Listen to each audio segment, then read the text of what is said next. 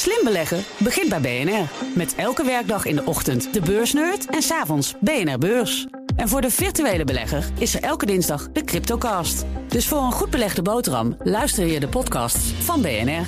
Blijf scherp.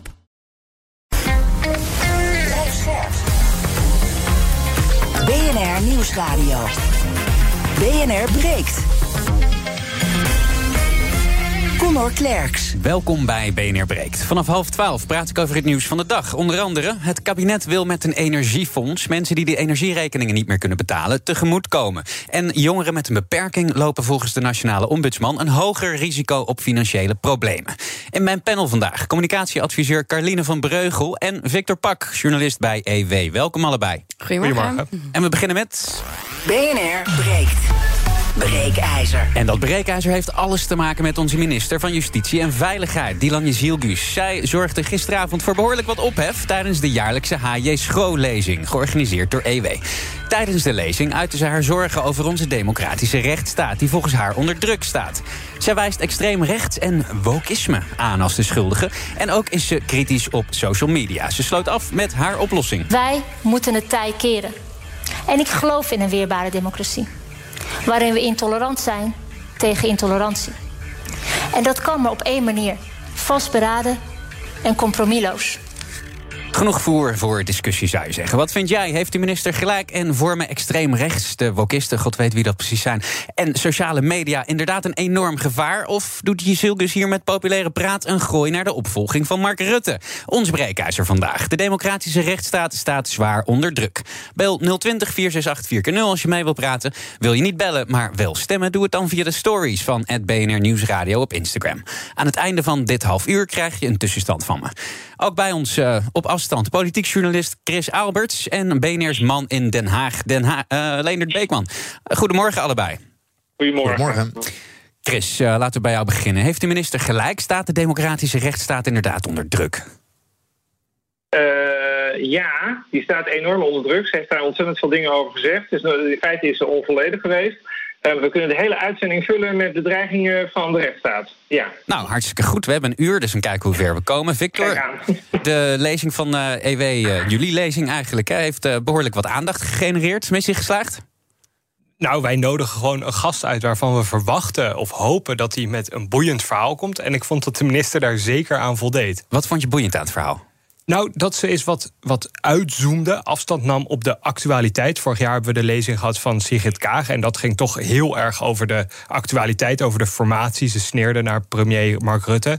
En dit ging eens wat breder. En voor mijn gevoel iets fundamenteler. Namelijk de democratische rechtsstaat, waar we allemaal in leven. En waarvan ik ook vind dat die onder druk staat. Waarom uh, horen we zo, Carline? Hoe sta jij erin? Nou, wat ik heel mooi vind, is dat ze inderdaad uh, ingaat op, de, op die afstand tussen de overheid en de burger. En ik denk dat die ook heel erg is toegenomen. En dat we onderschatten hoe gevaarlijk dat eigenlijk is. Uh, dus in die zin kan ik me heel erg vinden in dat we daaraan moeten werken. Gaan we even terug naar die lezing. Die was in de Rode Hoed in Amsterdam. En de minister haalde uit naar verschillende groepen, bijvoorbeeld rechtspopulisme. De ophef genereert aandacht. En de aandacht zorgt voor naamsbekendheid, likes, aanzien, invloed, geld en stemmen.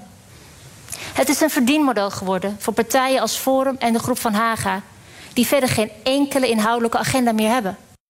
Maar ook de zogenoemde wokisten bleven niet buitenschot. Wokisten bepalen wie recht van spreken heeft. Alleen als je tot de juiste groep hoort, mag je meepraten. Daarmee worden individuen gereduceerd tot geslacht, afkomst of gerichtheid, met een vaste bijbehorende mening. Daarvan afwijken betekent uitgesloten worden. Leendert, jij was erbij. Hoe heb jij naar de woorden van Jezielgus geluisterd? Ja, dit sprak, tenminste, dit sprong het meest in het oog. Hè. Dit mm. waren duidelijke aanvallen op uh, uh, twee partijen uh, de, uit de Tweede Kamer. Wiebren van Haga, de BVNL, die reageerde met... wij zijn een fatsoenlijke partij die juist wel wil uitvoeren... wat de VVD al jaren heeft beloofd. van, vanuit Forum voor Democratie heb ik zelf geen reactie gezien...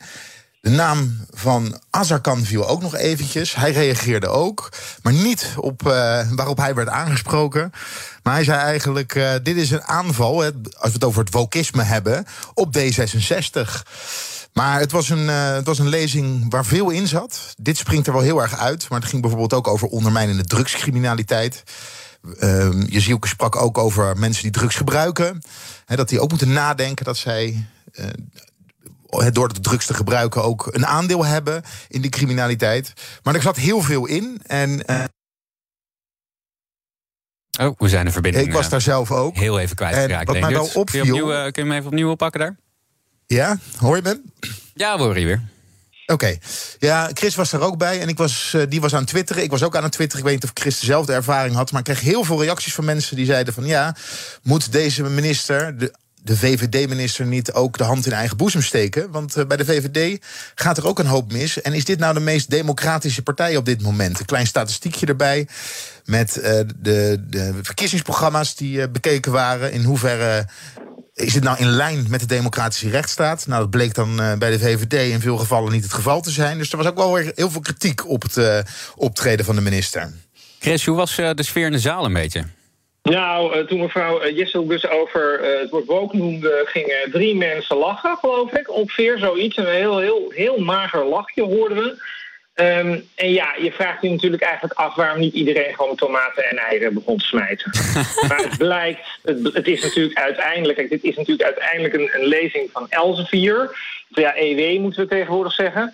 Um, ja, het is een nogal specifiek publiek. Hè? Dus ik bedoel, het zijn jongeren die daar in de zaal zitten die ambitieus zijn en nostalgisch en zo. En die gedragen zich heel netjes. En uh, woke is meer iets van jongeren dan van ouderen. Nou, ouderen waren er ook.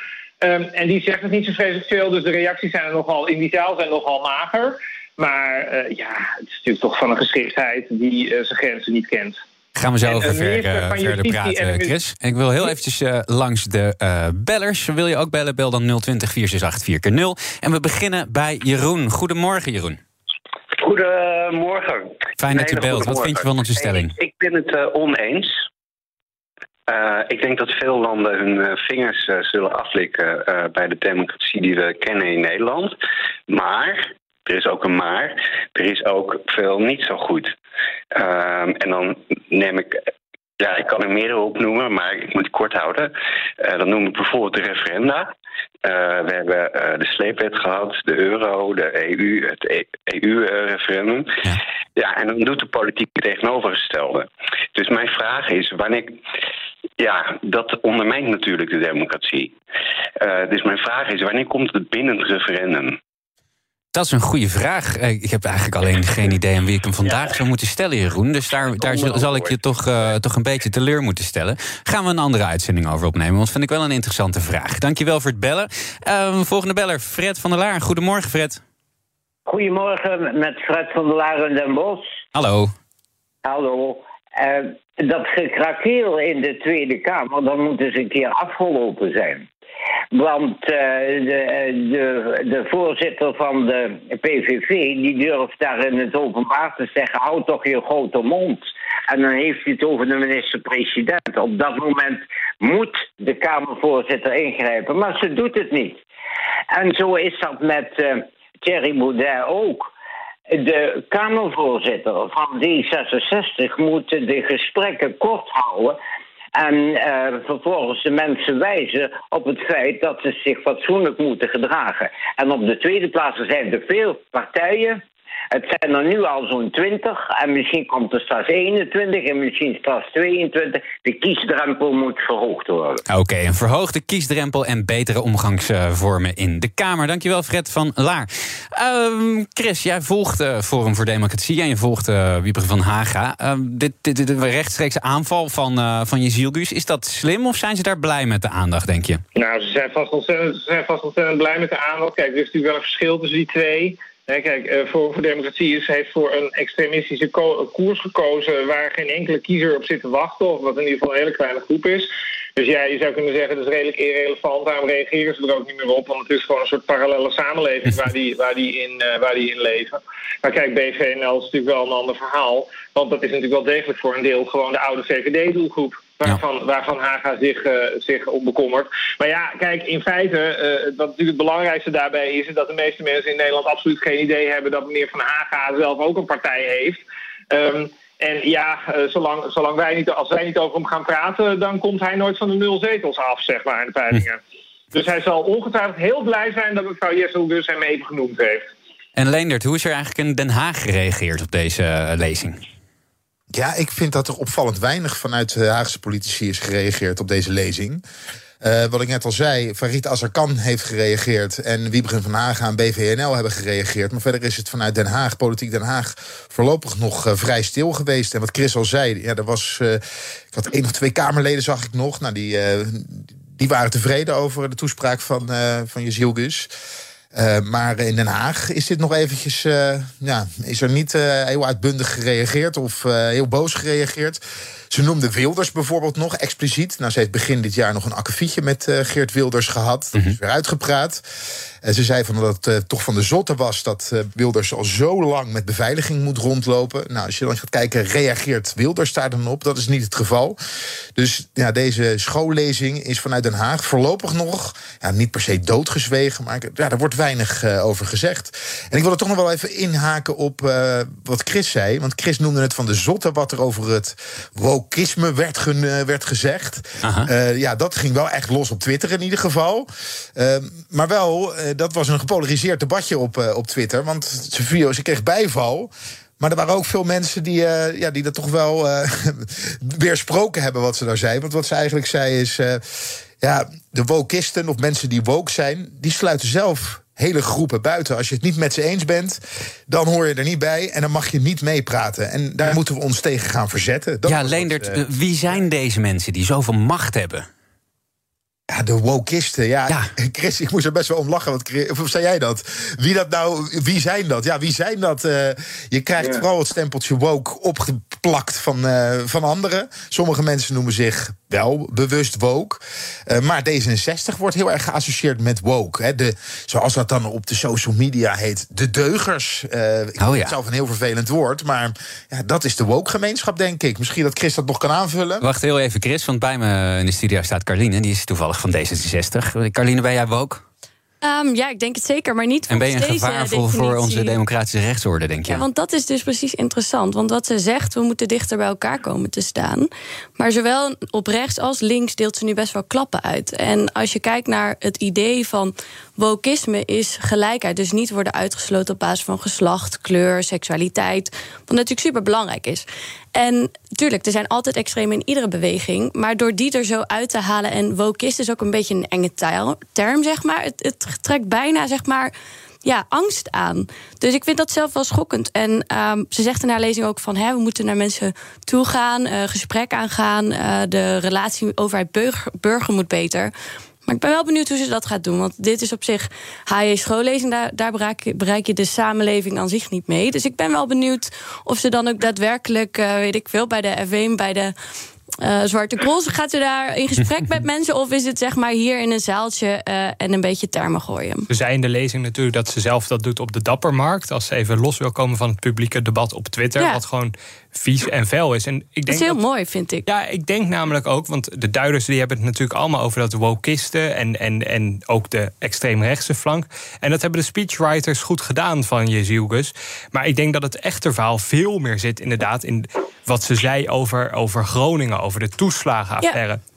En over het, het, ontbreken van een goede aanpak tegen criminaliteit die de rechtsstaat ondermijnt. Over de moordaanslagen op Dirk Wiersum en Peter R. de Vries. En daar, daar zit een kern van een verhaal in die veel belangrijker is dan wat er op de flanken van politiek Nederland gebeurt. Ja, en daar had ze wat mij betreft dieper op in mogen gaan. Want met corona hebben bijvoorbeeld heel erg de samenleving geïnformeerd. Hè, met persconferenties, uh, constant uitleggen waarom we keuzes maken... en waarom ook moeilijke keuzes worden gemaakt. Dat doen we nu niet en daardoor zie je ook heel veel onbegrip. je ziet in de lezing dat het vooral ook een persoonlijk politiek verhaal is. Ze zet zichzelf neer met haar ideeën, haar visie.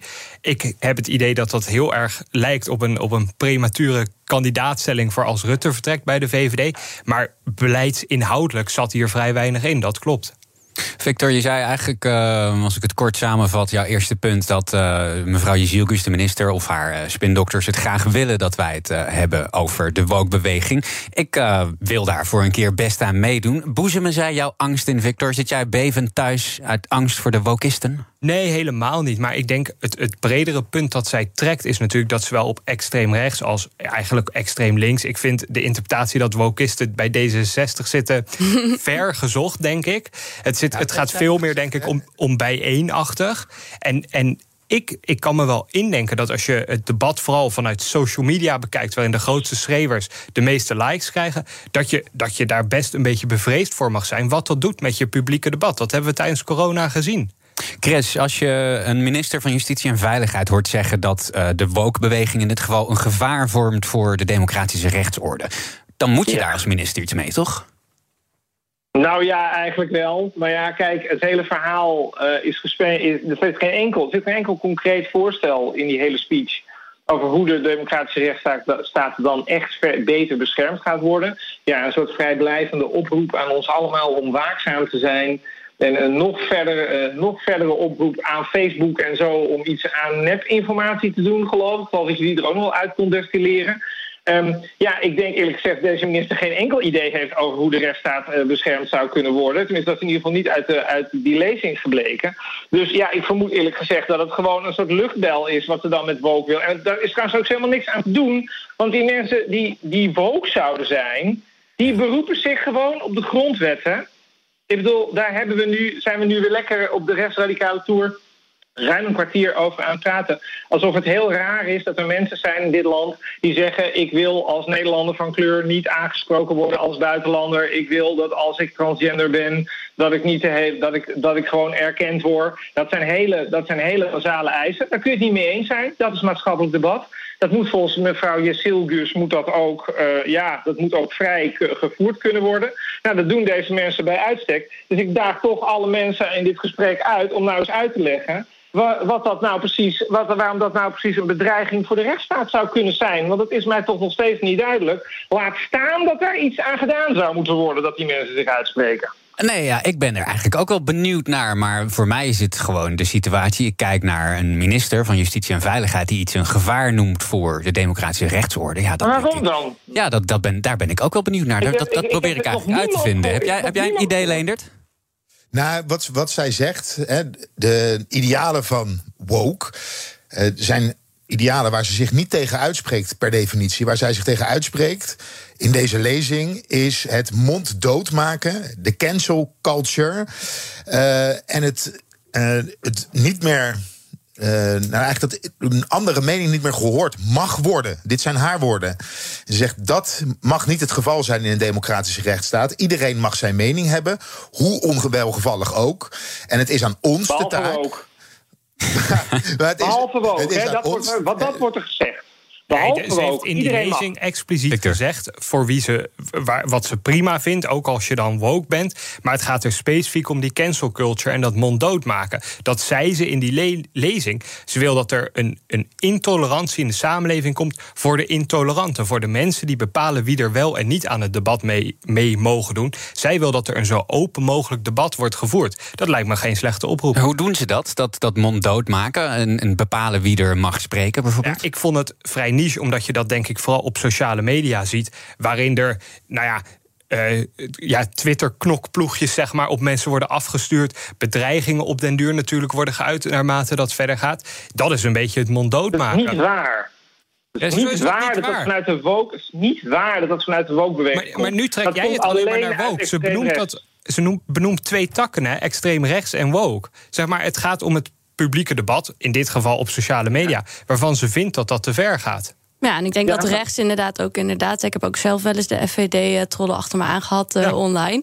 Um, maar vanuit links dat publiek je eigenlijk eh, tot, tot onrecht wordt beschuldigd van goh, dit is discriminerend of dit is um, seksistisch. En ik denk dat dat op zich niet slecht is, want hoe vaak wordt er nou daadwerkelijk gecanceld?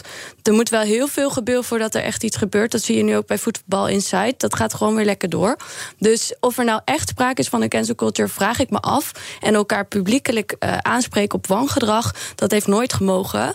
Dus uh, ik mag geen grapje meer maken, gaat in die zin niet helemaal op, wat mij betreft. Ja, en wat ik hier ook heel erg hoorde, uh, en we hadden het er al over, is dit nou een opmaat? Je kan het ook een opmaat noemen naar de provinciale statenverkiezingen, ja. of naar een ambitie die ze zelf nog heeft om ooit Mark Rutte op te volgen. Uh, twee twee dingen hoorde ik erin. Aan de ene kant valt ze de rechterflank aan en laat ze horen. Hè, de, spreekt ze zich echt uit tegen Forum voor Democratie en eh, BVNL, dus Wiebren van Haga. En ja, de woke-beweging bij een deel van de conservatieve VVD-achterban. zal dit goed gevallen zijn, vermoed ik zo.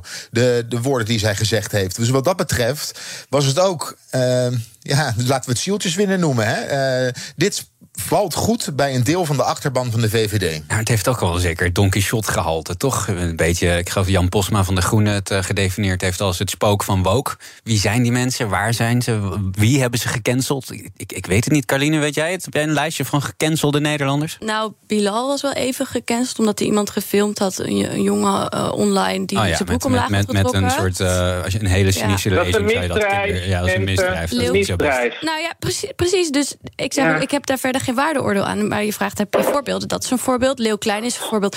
Maar die is wat mij betreft niet echt gekend. Hij heeft natuurlijk zijn, eh, is een filmpje dat hij met zijn vriendin zijn hoofd tussen de deur. En, genoeg ehm, gecanceld, kan je zeggen. nou, ik vind niet genoeg gecanceld inderdaad. Maar dat is mijn persoonlijke mening. Maar dus er wordt echt alleen bij misdrijven... voor mijn gevoel pas gecanceld. Het moet wel heel ver komen eh, voordat dat echt gebeurt. Leendert, laatste. Ja, het laatste, wat, eh, ja, die, die woke, die woke-beweging... en waar, waar Dylan Jezielkes het over heeft... gaat niet zozeer over, want Chris zegt terecht... we hebben net twee misdrijven benoemd... en dat die mensen gecanceld worden... ja, dat is niet zo gek op het moment dat je een eh, Ja, word je misdrijf... door, door het OM gecanceld op een gegeven moment, toch? Ja, volgens mij waar, waar Jezielkes hierop doelt... is eh, de, de, de moraalridders op Twitter... die proberen eh, mensen monddood te maken op het moment dat een mening hen niet welgevallig is. Eh, hoe terecht of onterecht ook. En daar verzet ze zich hier tegen. En of dit nou, hè, want je zegt al, de groep is moeilijk te definiëren. Ja, eh, welke groep ze daar nou precies mee bedoelt, hoe groot deze groep is en hoe groot dit probleem is, dat vraag ik me eerlijk gezegd ook nog een beetje af. Jezielgus probeert gewoon de lijnen van het publieke debat, als het ware, te stellen zoals ze die volgens haar wil hebben. Dat is wat ze, wat ze zegt. En die focus op welke groepjes daar wel of niet onder vallen is terecht. Maar volgens mij gaat het om het veel bredere verhaal daarachter. Onze, ons breekhuizen vandaag. De democratische rechtsstaat staat zwaar onder druk. Op Instagram kun je stemmen. 81% tot nu toe is het eens. De hele dag staat hij nog open. Zometeen bespreken we het energiefonds dat het kabinet nog dit jaar wil optuigen. En financiële, financiële problemen bij jongeren met een beperking. Hoor je allemaal zo een BNR breekt? Ik dank mijn gasten hartelijk. Dankjewel politiek journalist Chris Albert en politiek verslaggever Leendert Beekman. Bij BNR ben je altijd als eerste op de hoogte van het laatste nieuws. Luister dagelijks live via internet. Bas van Werven. En heel langzaam komt de zon op rond dit tijdstip. Je krijgt inzicht in de dag die komt op BNR, het Binnenhof in Nederland en de rest van de wereld. De Ochtendspits. Voor de beste start van je werkdag. Blijf scherp en mis niets. Blijf scherp. BNR Nieuwsradio. BNR breekt. Conor Klerks. En in mijn panel vandaag communicatieadviseur Carline van Breugel en Victor Pak, journalist bij EW. En we gaan praten over het nieuws van de dag. Te beginnen bij het Energiefonds. Want het kabinet is bezig met een plan om de schulden over te nemen van mensen die hun energierekening niet meer kunnen betalen. Die regeling, eh, die deze winter al moet ingaan, is bedoeld voor mensen die dreigen te worden afgesloten. De Arnhemse wethouder van bestaanszekerheid, Mark Laurik, zei vanochtend bij BNR in de Ochtendspits dat hij het er niet helemaal mee eens is. Is dit nou wat we met elkaar kunnen bedenken? Dat we het eerst zo hoog op willen laten lo- lopen. Mensen moeten torenhoge energieschulden hebben. En dan als het dan het moment komt van, oh jee, nu moeten we mensen afsluiten van hun stroom. Nou, dan gaan we mensen helpen met een noodfonds. En ik denk, ik ben bang ook, dat dat te ver afstaat van de realiteit die mensen nu doormaken. Victor, wat denk jij? Ik, ik kan me hier heel goed in vinden. Je ziet nu al dat met die, die extra vergoeding die het kabinet heeft ingeroepen en die via gemeentes wordt verdeeld, dat, dat dat nauwelijks de mensen bereikt die er recht op hebben. Rutte heeft afgelopen vrijdag nog zo'n extra oproep gedaan. Mensen als het niet redt, ga naar je gemeente toe. Maar dan, dan gaat er dus iets fout en nu gaan we opnieuw inderdaad de schulden gaan oplopen. En dan gaat het kabinet een keer kijken of ze het kunnen overnemen. En bovendien is het weer extreem fraudegevoelig. Kan, is dit het beste wat we kunnen? Dat vraag ik me wel heel erg af met dit beleid in de energiecrisis. Carline? Nou, misschien om positief te beginnen. Ik vind het heel goed dat de urgentie wordt gezien. Hè? En dat ze echt heel veel geld willen vrijmaken om gezinnen tegemoet te komen. Tegelijkertijd, ze komen dus pas op het moment dat je die schuldhulpverlening ingaat. En dan heb je wellicht al de sport van je kinderen opgezegd. Ja. wordt er al minder uh, eten geserveerd. En daar zit wel een probleem dat de trots, uh, dat herken ik ook van mijn eigen jeugd, dat als er weinig geld is, dat daar veel trots omheen zit. En dat mensen soms niet gaan vragen terwijl ze wel recht hebben. En dan moet je via een gemeente ingewikkelde procedure vaak ook. Dus daar zit een probleem. En wat ik echt mis, is nog iets voor het MKB. Dat zeg maar de bakker nog het brood kan maken. Uh, want daar zijn we ook als samenleving van uh, afhankelijk. En uh, ik heb daar nog niks voor gezien. Ja, het MK, MKB heb ik ook nog niks over gelezen. Maar het is natuurlijk nog geen Prinsjesdag. Heb jij er nog vertrouwen in dat er iets komt, Victor? Nou, dat hebben ze nu dus een soort van strategisch laten lekken, is het een beetje eigenlijk. Mm -hmm. Dat er dit dus te verwachten valt voor dit jaar. En ja, ik krijg het idee dat, ik bedoel, die urgentie is er misschien een beetje dan. Maar het meeste, veruit het meeste, gaat allemaal over 1 januari 2023 en daarna.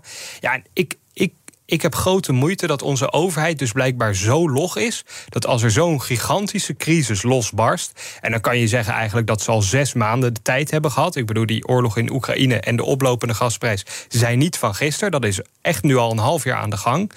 Ja, en dat dit dan is waar, waar je mee komt. Ik heb daar echt wel, wel moeite mee en eigenlijk grote frustratie over. Waarom is onze overheid zo log? En wat ik ook nog wel een interessante bijzin daarin vind, is dat ze schrijven: alleen mensen die dit jaar een nieuw energiecontract hebben moeten afsluiten, hebben hier aanspraak op.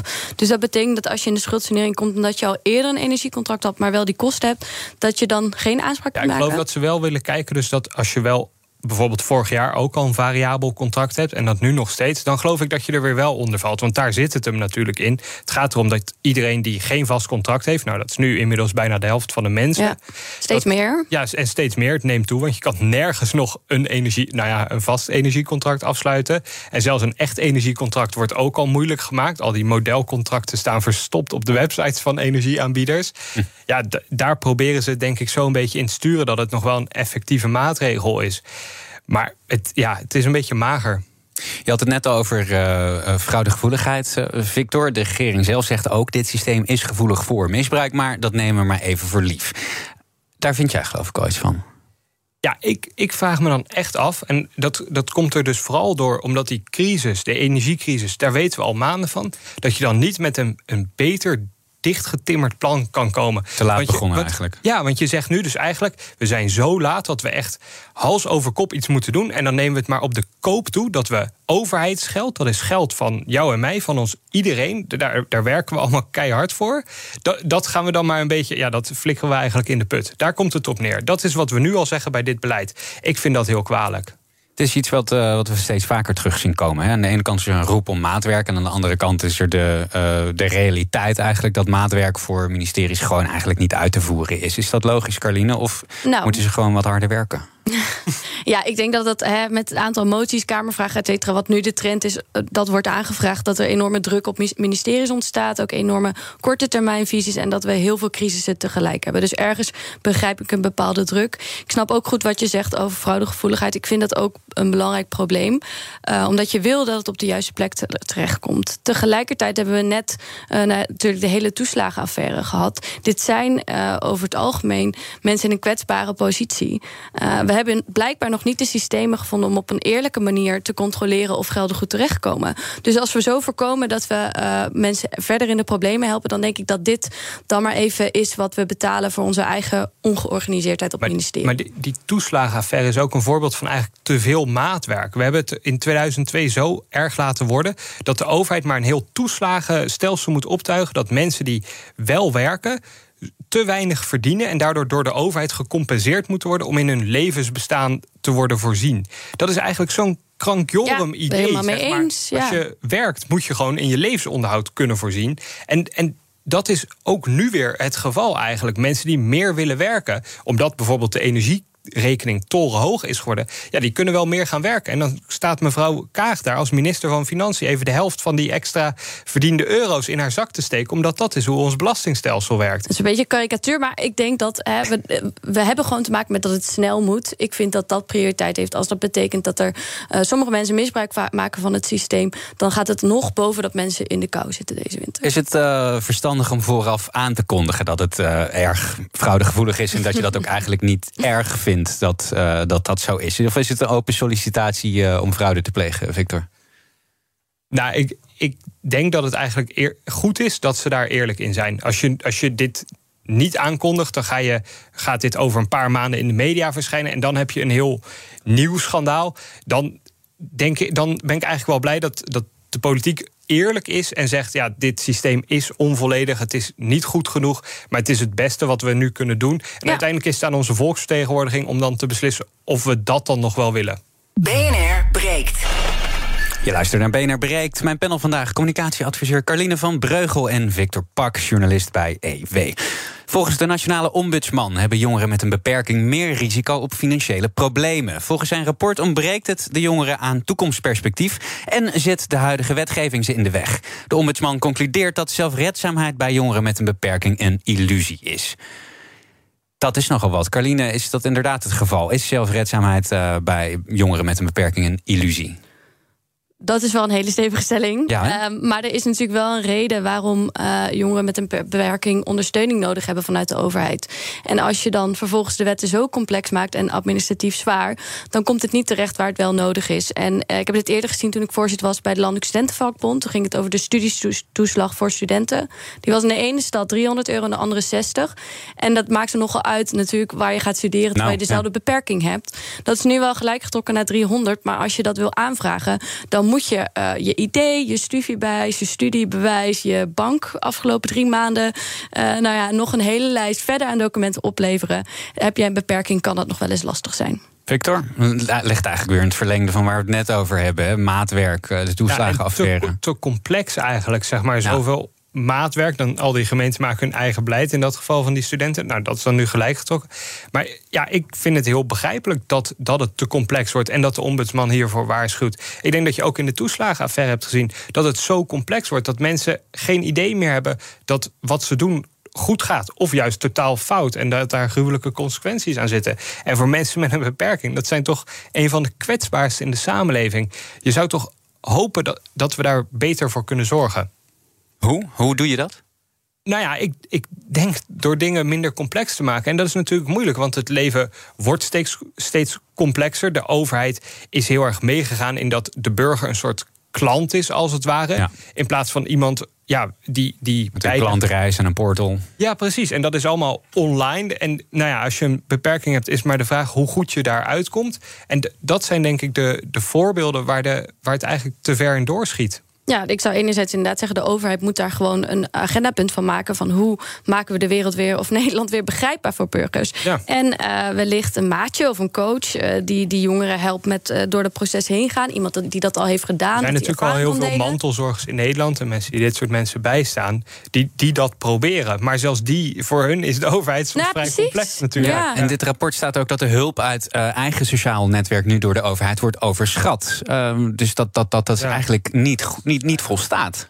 Dat is ook wel pijnlijk, vind ik, voor ons als samenleving. Ja, zeg maar. En dan de overheid overschat dat. Maar misschien zouden we daar ook meer zelf naar moeten omkijken. Carline? Ja, ik, ik, hou zelf heel erg van. Ik ben een heel sociaal mens. Maar ja, dat is wel gewoon de praktijk waarin we nu leven. Dat meer ieder voor zich is. Dat dwingt, denk ik, de samenleving ons toe. Dus uh, ik denk dat we als overheid daar gewoon in moeten springen. Ja, je moet best wel wat geld hebben, geloof ik, nu om mantelzorger uh, te kunnen zijn. Als je naast je werk ook nog voor iemand met een beperking moet zorgen en je energierekening uh, gaat ja. zes keer omhoog. Ja, het leven is gewoon een stuk complexer en lastiger. Dit is ook gewoon echt de realiteit, zeg maar. Ja. Dus we ja. schetsen het zo, maar dit is ook gewoon echt inderdaad hoe mensen nu leven. Die hebben gewoon echt zorgen over energie, over rondkomen. Uh, en misschien ook wel dus uh, mantelzorg. Ook Hugo Reitsma vind je in de BNR-app. Superhandig die BNR-app. Je kunt alle programma's live luisteren, breaking nieuwsmeldingen. Je blijft op de hoogte van het laatste zakelijke nieuws. En je vindt er alle BNR-podcasts, waaronder natuurlijk de belangrijkste, Boeken zijn in de wijk. Download nu de gratis BNR-app en blijf scherp. BNR breekt. En tot die tijd uh, blijven we bij BNR breekt. En mijn panel vandaag bestaat uit communicatieadviseur Carline van Breugel en Victor Pak, journalist bij EW. Uh, het is tijd uh, voor het nieuws dat jullie zelf is opgevallen. Carline, laten we met jou beginnen. Een groeiende groep jongeren haalt een lagere opleiding dan hun ouders. Ja, klopt. Interview van Maarten Wolbers. Uh, met Maarten Wolbers. Uh, ik denk dat het überhaupt een beetje bizar is dat NRC nog schrijft lagere opleiding dan hun ouders. Omdat ik vooral wil dat we uit dat frame gaan van hoog-laag opgeleid, maar meer naar wetenschappelijk, praktisch opgeleid. Uh, maar het gaat erover dat er uh, eigenlijk vanuit de grootouders, een soort van hun kinderen, hun kleinkinderen, steeds meer ziet emanciperen in dat onderwijs. En dat er ook heel veel sociale status wordt gehecht aan als jij uh, een hoog opleidingsniveau doet, dat je ook meer bent in de samenleving. Je krijgt ook meer geld, meer sociale status. en mensen zijn ook gewoon vaak gezonder, leven langer. en wat mij betreft legt dat niet per se een probleem uh, bloot qua dat alle jongeren door moeten studeren, maar van hoe onze samenleving is ingericht. Ik denk dat het belangrijk is dat ook als je praktisch bent opgeleid, dat je lang leeft en gezond leeft, dat je genoeg inkomen hebt. Uh, we hebben het al eerder over gehad in deze samenleving, uh, in deze aflevering. En dat het belangrijk is dat we uit dat frame stappen um, en dat we gaan kijken naar hoe kunnen we beroepen herwaarderen, zowel het MBO als het HBO en het WO misschien een beetje van zijn voetstuk afhalen. Ja, want we hebben eigenlijk helemaal niet zoveel uh, wetenschappelijk geschoolde typjes meer nodig. Hè, Victor, we hebben mensen nodig die, uh, die een, een, vak hebben geleerd, die iets bij kunnen dragen aan het technische aspect van al die uitdagingen waar we nu voor staan. Ja, dat klopt. Zeg maar. de, de hele samenleving schreeuwt om, om, om praktisch opgeleide en misschien HBO-opgeleide mensen. Maar als je kijkt naar alle tekorten die we hebben, zit het hem allemaal daarin. En het is ook niet zo, en dat, dat vind ik zo verwonderlijk aan die zorg bij ouders of, of grootouders dan in dit geval. Zeg maar, als je op dit moment praktisch opgeleid bent in de goede richting, dan, dan ga je goed verdienen, zeg maar. Dat is echt.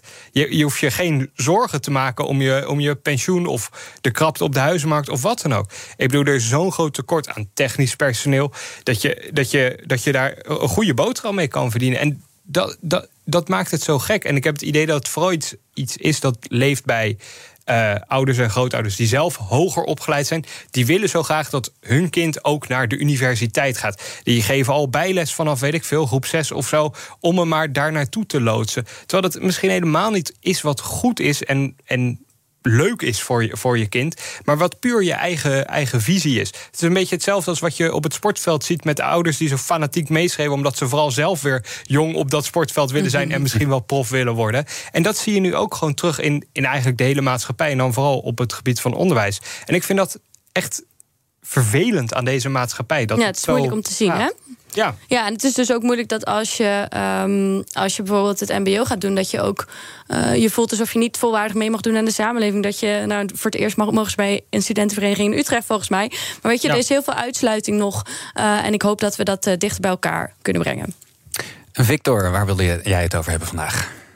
De Amerikaanse minister van Buitenlandse Zaken, Anthony Blinken. Die, Blinken, ja die, die is weer eens uh, pessimistisch over het Iran-akkoord. En ik vind dat, dat die hele Iran-deal gewoon een, een fascinerende uh, saga. Blinken heeft nu gezegd afgelopen nacht dat het zeer onwaarschijnlijk is dat er op korte termijn een nieuw akkoord komt met Iran. Mm -hmm. nou, in 2015 is dat gesloten. Toen nog onder president Barack Obama, de Europese Unie, uh, China en Iran. Die gingen allemaal om de tafel en sloten een akkoord dat Iran geen nucleair wapen gaat bouwen. Nou, Trump trok zich terug uit dat akkoord en nu is Iran in ieder geval weer flink op, op stoom eigenlijk om wel zo'n bom te, te kunnen bouwen. Mhm. En ik, ik vind het vooral gewoon een zorgelijke ontwikkeling dat we met diplomatie niet meer zo ver kunnen komen. En vooral als je bedenkt dat in de oorlog in Oekraïne, Rusland heeft net een flink pak, pak slaag gekregen, dan zijn er meteen weer zorgen: gaat Rusland een bom gooien, een nucleaire bom? En dan denk ik van ons in de wereld is er zoveel aan gelegen om te, te proberen dat Iran niet aan zo'n wapen komt. Het is een regime dat ver van ons afstaat, dat onze waarden niet deelt. Je ziet de problemen die Noord-Korea eigenlijk veroorzaakt op het wereldtoneel, mhm. omdat ze die macht hebben, omdat ze een nucleair wapen hebben.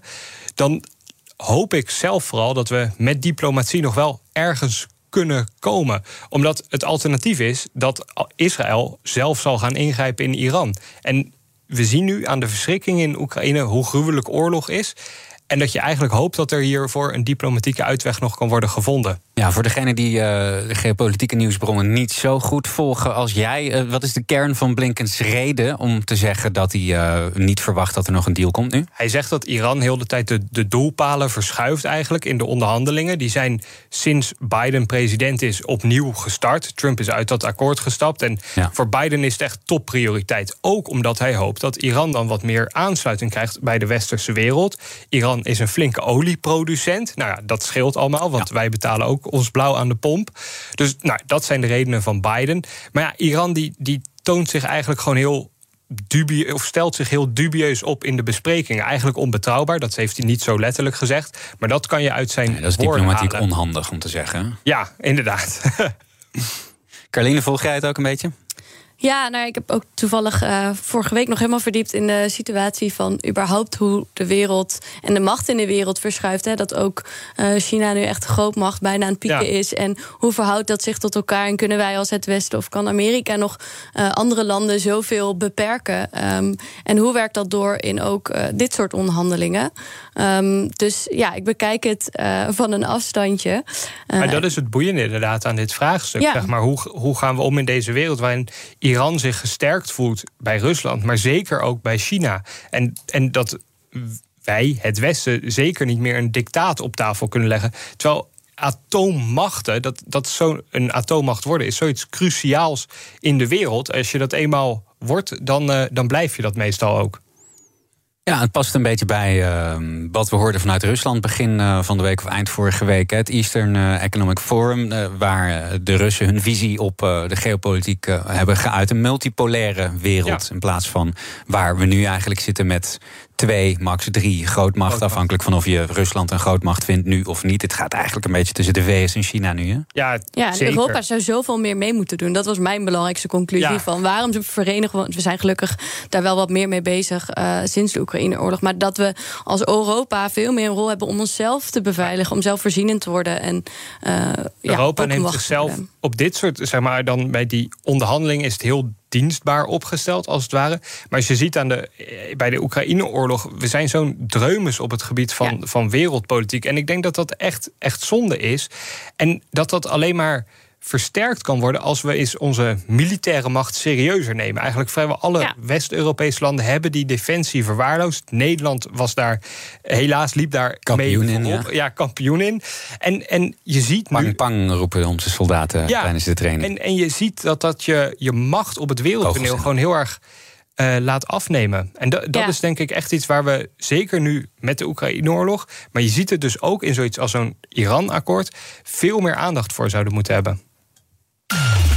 Gaan we nog even kijken naar wat er trending is op social media. Hashtag Schiphol is trending, want gisteren en vandaag wederom chaos op het vliegveld. De luchthaven had uh, zelfs vliegtuigmaatschappijen opgeroepen om weer vluchten te annuleren.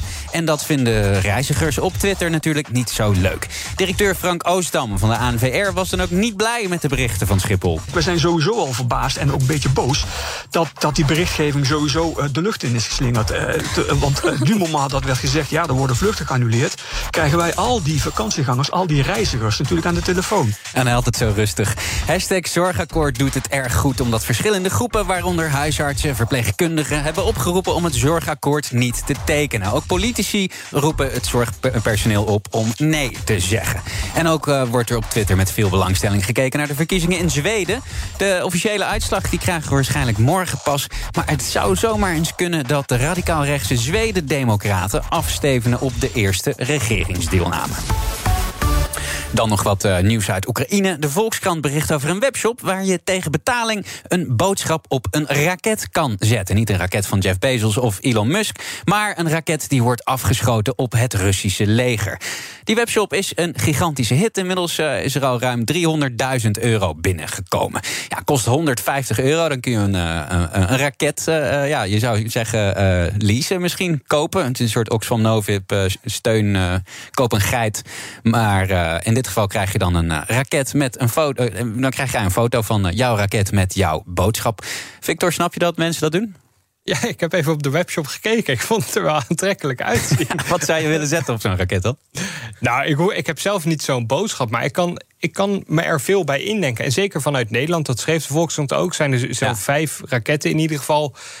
Met een Nederlandse boodschap afgestuurd op de Russen. Ja, kijk, die houding van Nederland bij de Oekraïne-oorlog... ik vond hem altijd zo zwak. Terwijl uiteindelijk uit naam van Poetin zijn bijna 200 Nederlanders omgekomen in 2014 mhm. met MH17. En wij stelden ons bijvoorbeeld rondom het sanctiebeleid gewoon vrij laks op. Dus ik kan me eigenlijk heel goed begrijpen dat er Nederlanders zijn die wel een boodschap aan de Russen hebben. Carline? Ja, is, is het niet het, macht, het heft in eigen handen nemen? Ik bedoel, een oorlog is niet even een computerspel waarbij je een, een bom koopt. En uh, daar komen ook gewoon kinderen en onschuldige mensen door om. En je kan dus zelfs een filmpje uh, krijgen. Dan moet je 2000 euro extra betalen. En dan krijg je een filmpje van hoe die bom inslaat. Dat, kan je, dat is, toch afschuwelijk? Het is een gamificatie, noemen ze dat. Zeg maar. Het wordt als een game, die oorlog. En ja, dat, dat zie je gewoon. Ik bedoel, de, de beelden van het fonds zijn heel goed te volgen op sociale media. Maar ik snap, ik vind het een handige crowdfunding van het Oekraïns leger. Omdat ze ze zamelen geld in. En het, het, is dan van een, van een steunbetuiger aan het Oekraïns leger eigenlijk. Het is niet direct gelieerd. Maar het, het, zamelt geld in. Het is succesvol. Ja. En je denkt niet dat daardoor misschien onnodig mensen omkomen. Puur vanuit een wraakactie waarbij je zegt... nou, als ik geld heb, dan gooi ik een bom. Die gaan sowieso wel, toch? Die gaan sowieso natuurlijk. of niet? En het is uiteindelijk Rusland dat zich aan alle internationale regels heeft onttrokken... om een onschuldig land binnen te vallen... en een gewel, gewelddadige oorlog te ontketenen. Ja, ik, ik vind het zelf echt super luguber dat je, dat je zo'n bom koopt en een filmpje van dat die inslaat, dat er allemaal mensen doodgaan en dat je dat dan gewoon kunt doen en dat dat legaal is, vind ik echt heel Maar deze beelden zijn er sowieso, zeg maar, op op Twitter, op Reddit, op Telegram. Ja, maar je moet toch, je moet toch op een creatievere manier geld kunnen inzamelen dan bommen gooien? Ik ben bang dat we moeten eh, afronden vandaag. Jongens, okay, we gaan, al over de tijd van BNR Zaken doen uh, heen. Tot zover BNR breekt voor vandaag. Veel dank aan mijn panelleden, communicatieadviseur Carline van Breugel en Victor Pak, journalist bij EW. Morgen is BNR breekt er weer. Tot die tijd volg je ons via de socials zoals YouTube, Instagram en Twitter. En zometeen luister je natuurlijk naar BNR Zaken doen met Thomas van Zeil. Tot morgen. BNR Headlines. De hele dag binnen- en buitenlandse politiek. In Nederland hebben we geen munitiefabrieken. De hele dag economie. Vijf dagen in de week bezorgen, dat kan niet uit. De hele dag technologie. Amerikanen weer op de maan. Heb je eigenlijk geen tijd, maar wil je toch op de hoogte blijven? BNR Headlines. Het laatste nieuws, maar dan in het kort. Ga naar je podcast-app en abonneer je op BNR Headlines.